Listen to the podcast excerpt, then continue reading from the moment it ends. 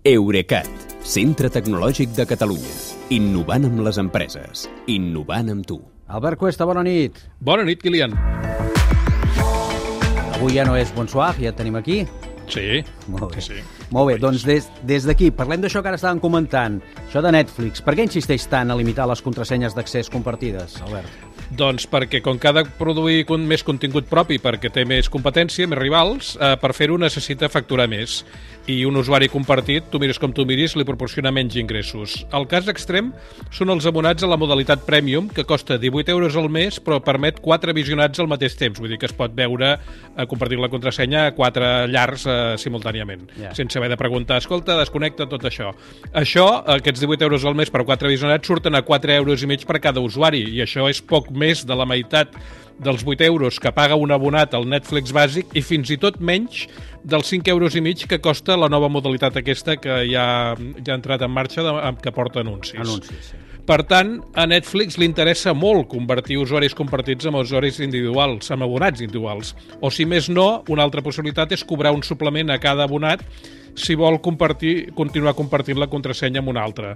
De fet, eh, Netflix acaba d'activar un sistema perquè quan et donis d'alta com a nou usuari et puguis endur l'historial de visionats i les preferències de l'usuari que tenies fins ara en un compte compartit.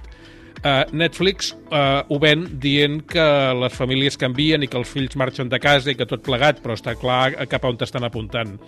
I tenen camp per córrer, perquè s'estima que hi ha almenys 100 milions de llars al món que comparteixen amb altres la contrasenya del, del compte de Netflix. I ara la gran pregunta, se'n sortirà Netflix? És, és que ja se n'està sortint. Ah. Mira, fa menys de dos mesos que va començar a blocar els comptes compartits a l'Argentina, El Salvador, Guatemala, Honduras i la República Dominicana, així com a prova, i en els resultats trimestrals que va presentar l'empresa ahir, eh, eh, diu que ha guanyat 2,4 milions d'abonats nets quan tenia previst captar-ne poc més d'un milió.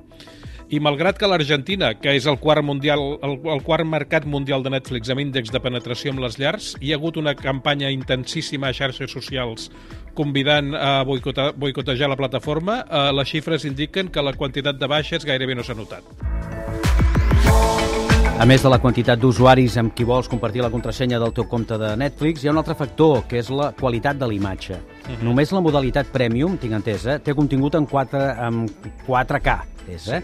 I precisament l'alta resolució d'imatge es posarà ara en qüestió si a partir de l'any que ve no podrem veure coses en 8K de televisors 8K perquè no es podran vendre.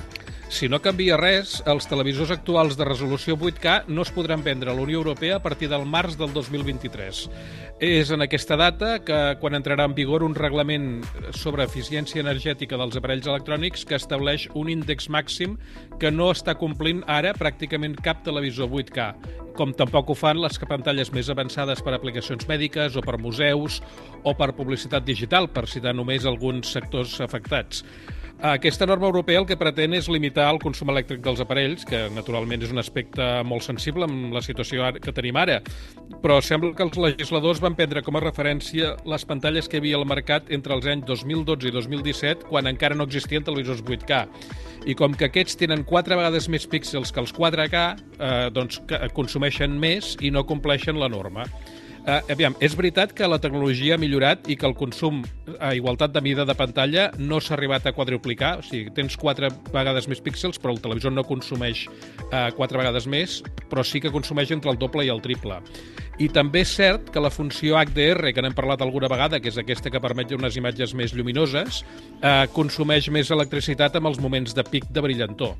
Eh, la Comissió Europea eh, es va comprometre a revisar aquesta norma eh, abans de final d'any per contemplar la tecnologia 8K eh, i, introduir un índex d'eficiència que s'ajusti més a la realitat del que, és, del que hi ha al mercat però ara com ara sembla que no està previst que ho faci. Per això, els fabricants, eh, amb Samsung al capdavant, perquè és qui ven un de cada tres televisors 4K o superiors, estan pressionant Brussel·les perquè compleixi el seu compromís. I mentrestant, també el, segur que els models futurs seran encara més eficients, però el que passa és que els televisors que s'han de vendre l'any que ve ja s'estan fabricant ara, de manera que, Ja.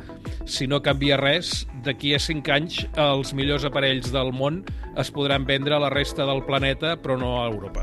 Doncs ja ho sabeu, o els haureu d'anar a comprar fora o en qualsevol cas sempre us quedarà a la ràdio. que sempre, Ah, aprof eh, sempre eh, aprofitem, eh? Eh, Sí, sí, va- i està molt bé perquè jo, per exemple, escolto la ràdio pel televisor, que per Veus? cert és 8K.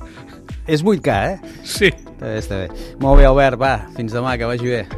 Bona nit, Kilian. Fins demà. Eurecat, centre tecnològic de Catalunya. Innovant amb les empreses. Innovant amb tu.